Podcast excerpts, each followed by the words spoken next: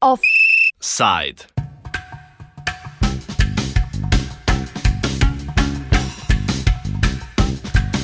Ta čas na ekonomski fakulteti poteka okrogla miza z naslovom Regulacija bančnega sistema po finančni krizi, primerjava Irske in Slovenije. Med gosti, ki delijo mnenja na razpravi, je tudi irski ekonomist in profesor Charles Larkin, s katerim smo se pogovarjali o zgodovini irske finančne in bančne krize ter vprašanjih finančne regulacije.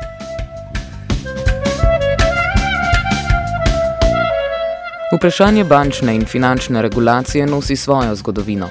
Povojna ekonomska doktrina je temeljila na državnem intervencionizmu, neoliberalizem v 70-ih pa je ekonomsko upravljanje usmeril v deregulacijo, ki je dosegla vrhunec v 90-ih letih. Well, the, the objective of tighter regulations and the actions taken at Brisbane by the Financial Supervision Board, um, the FSB, um, under the direction of Mark Carney, who's the governor of the Bank of England, uh, was to create an environment whereby taxpayer exposure is minimized. Um, and the objective is to effectively remove uh, the what is referred to as the government put option, that essentially during conditions in which banks and financial entities would be forced to go into bankruptcy or or or to uh, shut up shop, that the uh, the government does not act as a final support for them. The current set of regulations really is is is not as extensive as, as bringing things back to the early 1980s, which is really the last point in which we have traditional regulation as informed uh, by the Great Depression um, it's really trying to move toward a a, uh, a middle way between the traditional structures of of post Great Depression banking regulation, which is a strict division between uh, retail banking and merchant banking, um, and to allow certain banking activities to take place but with larger capital buffers, uh, which will enable losses to be absorbed more easily, um, as well as new structures for allowing banks to be unwound in a fashion that would be less destructive to the overall economy.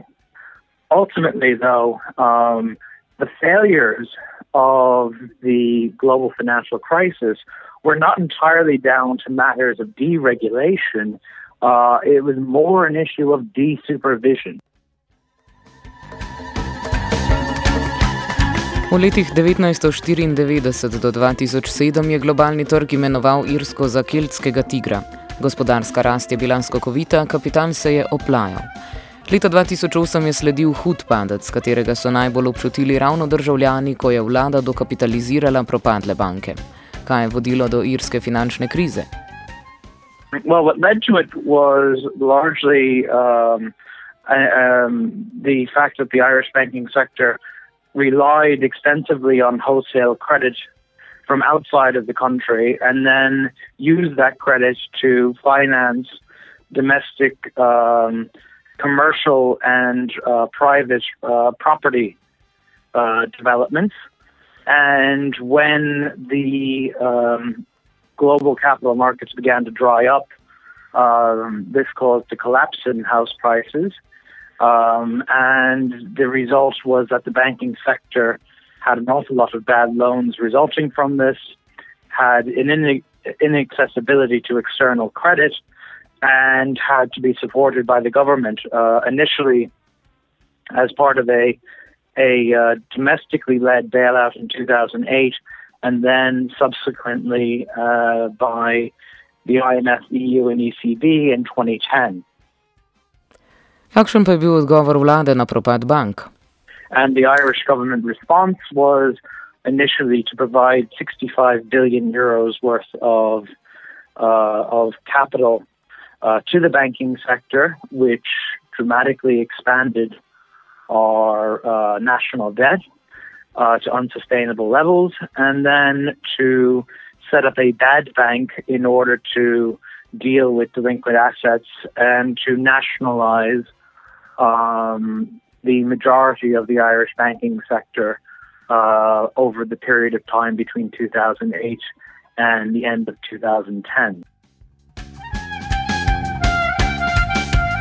Do leta 2010 je finančni nadzor v državi opravljala samostojna institucija, vendar pa je njena neodvisnost posredno vodila k finančnemu zlomu. Kako je v državi potekala finančna regulacija? There was an organization called um, the uh, IFS, uh, IFSRA, ISRA, um, which was independent of the central bank. Uh, but that financial regulator um, after the bailout was reincorporated back into the central bank and placed under the control of a um, British regulator who had previously been in Bermuda known by the name of Matthew Elderfield, um, which was the process of reconstituting uh, a a um, active uh, financial regulator that was engaged in in uh, extensive supervision. Uh, prior to that, uh, supervision was relatively lax, partly relating to matters of expertise, partly relating to uh, economic policies at the time, which favored uh, a quote unquote light touch regulatory environment, not only for the Irish banking, domestic banking sector, but also to facilitate um, our international uh, focused uh, financial services center, which was uh, part of our industrial policy. V začetku pa je bančni nadzor prevzela Evropska unija. Kaj to pomeni za nacionalne države, pove Larkin. Um, banking supervision as of November 4th um, fell under the European Banking Authority um, with a single supervisory uh, structure.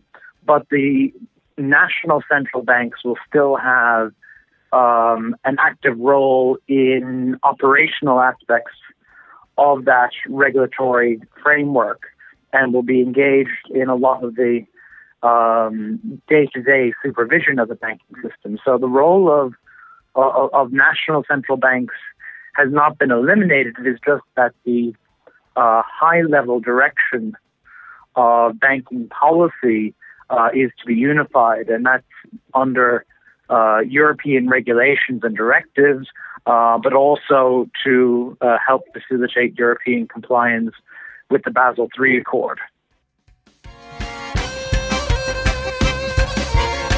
Vprašanje, ki je za nas aktualno, je mehanizem slabe banke. Primerjavo irske in slovenske implementacije mehanizma. Okay. Well, I mean, one of the major issues is that um, the creation of a bad bank um, sets up a series of of sort of bad incentives. Um, first of all, uh, the, the, the main thing that you wanted to do when you set up a bad bank is not to use it as an instrument for recapitalization of your banking sector. Uh, and there's a great temptation to do that. Um, the second thing is that under EU law, you have to use a concept known as long term economic value. And the reality is, is that long term economic value is incredibly difficult to determine um, if you've had a, situation whereby you've had a previously depressed property market um, and you then go into a bubble phase. Uh, and this especially is true if you don't have a long time series of data. Um, this would be in the case of Ireland. Uh, it also probably would be the case in Slovenia because essentially you only have a true market economy um, from the early 1990s. Um, in the case of looking at the operations of your bad bank, one of the things that the Irish experience has shown is that there's a certain amount of reliance upon the people that actually got you into trouble to begin with.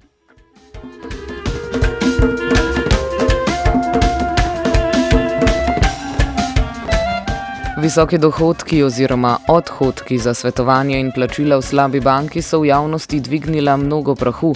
Podobna situacija pa se je godila tudi na Irskem. Z oceno implementiranih mehanizmov zaključi Charles Larkin.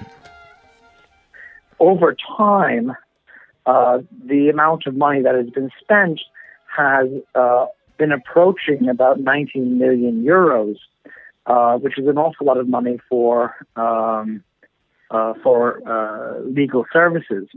This partly reflects our high cost of legal services. It also partly reflects the uh, complexity of unwinding uh, a portfolio of impaired assets. The other thing, of course, is that the objectives of the legislation for a bad bank always talks about maximizing return to the taxpayer.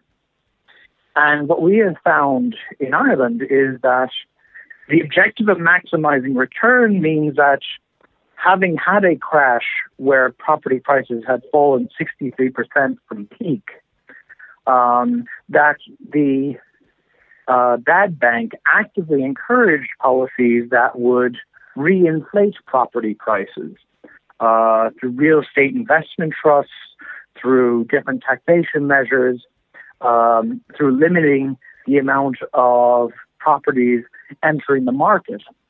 Uh, the result of this has been that in our major city, Dublin, where the majority of the population is located, that we have had a 24% year on year increase in properties, uh, and we've had uh, 50 to 100% increases uh, in rental costs across the city. And it's created a, a genuine housing crisis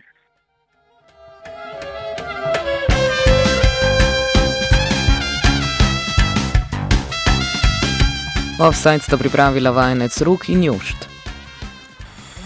Offside.